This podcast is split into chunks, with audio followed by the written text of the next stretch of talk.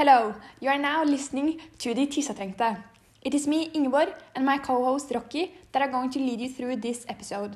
In today's episode, we are going to talk about how climate change affects evolution and how these changes affects some animals.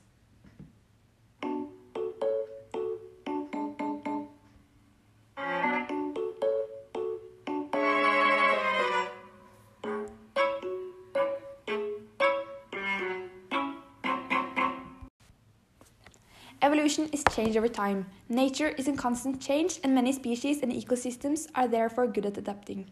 The problem now is that the climate is changing so fast that some species do not have time to adapt.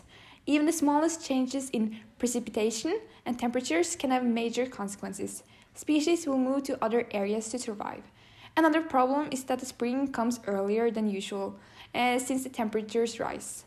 And this causes problems for the bumblebees, an animal that is great at the that is great at adapting is the tawny owl. And other species and other species uh, are not that good. Take the polar bear for example. Rocky, how does increasing temperature affect where animals live? Well, as the temperature rise and climate changes, more and more species will be forced to relocate. The reason for this is they simply cannot adapt quickly enough and we will have to flee and they will have to flee to survive. The sharp increase in migration to new areas will lead to increased species diversity in many places. This is a huge problem for the species that already live there. These species can disappear if they get outcompeted by the new species. For instance, it is expected that Norway will get more and more species. The reason for this is the new species want to come here it's because the climate is better suited as the climate has, has changed.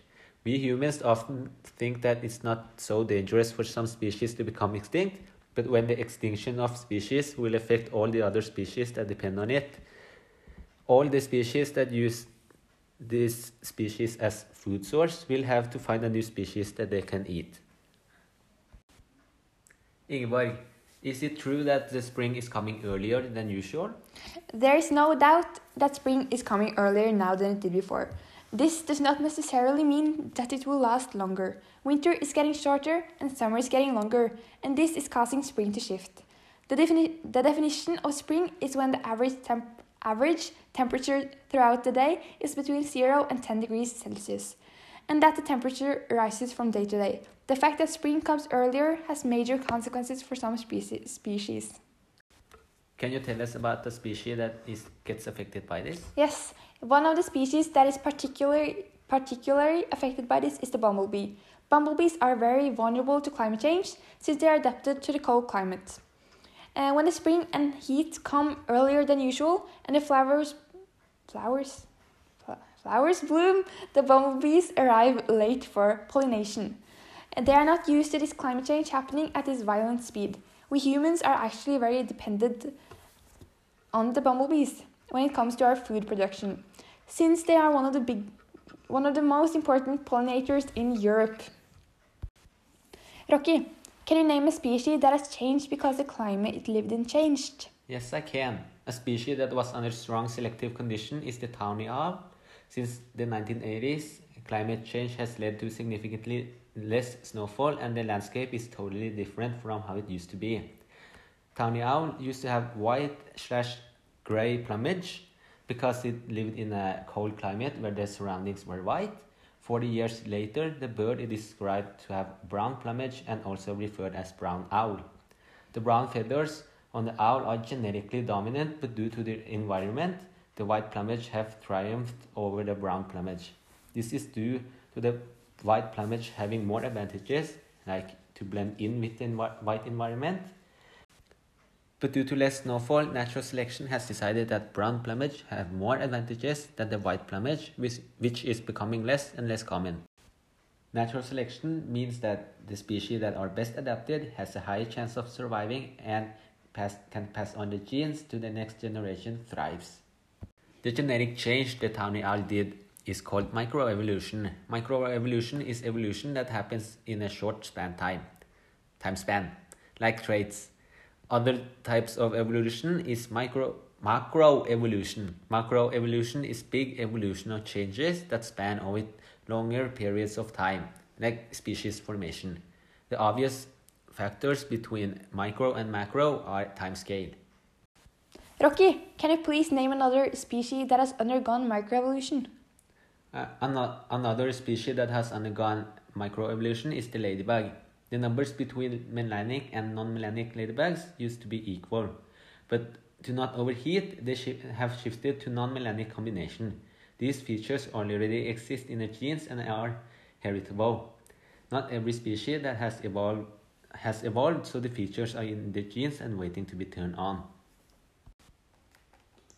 Since I now talked about two species that can easily adapt, can you tell me as, about the species that cannot evolve in the pace it needs to survive? Yes, I can. the large climate temperature increases are a huge problem for the polar bears. Without the ice, they will not be able to survive. They feed their young on the ice, and that's where they hunt. When the ice disappears, it creates major consequences for this mammal. The glaciers melt, and there will therefore be greater distances between the glaciers. And this means that they have to swim such long distances, distances uh, to get food, uh, and it's, it's so long that some do not survive the trip. Access to food is therefore lost. The polar bears swim about 100 kilometers over the open sea to find food.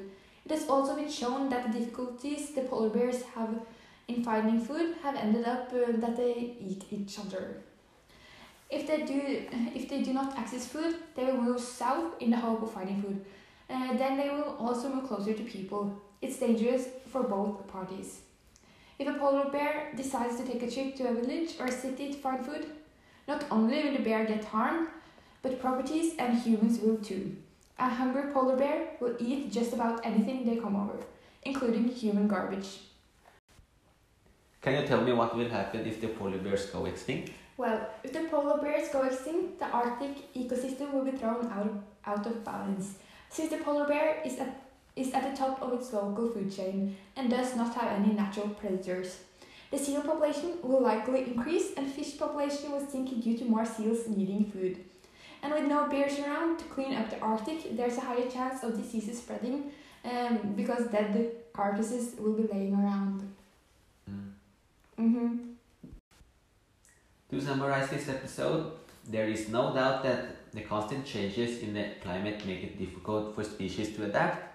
There is one of the reasons why they have moved they have to move to survive, but when they move, it can create problems for the native species in the area. Climate change is an even bigger problem for those species that have nowhere to go or have time to adapt due to these climate changes. They will, they will then become extinct, but for animals that can adapt, such as the tawny owl and ladybug, this isn't such a huge problem. That's all we had for today's episode. Thank you for listening. We will now take a break from making podcasts, but suddenly we'll be back. Goodbye. Goodbye.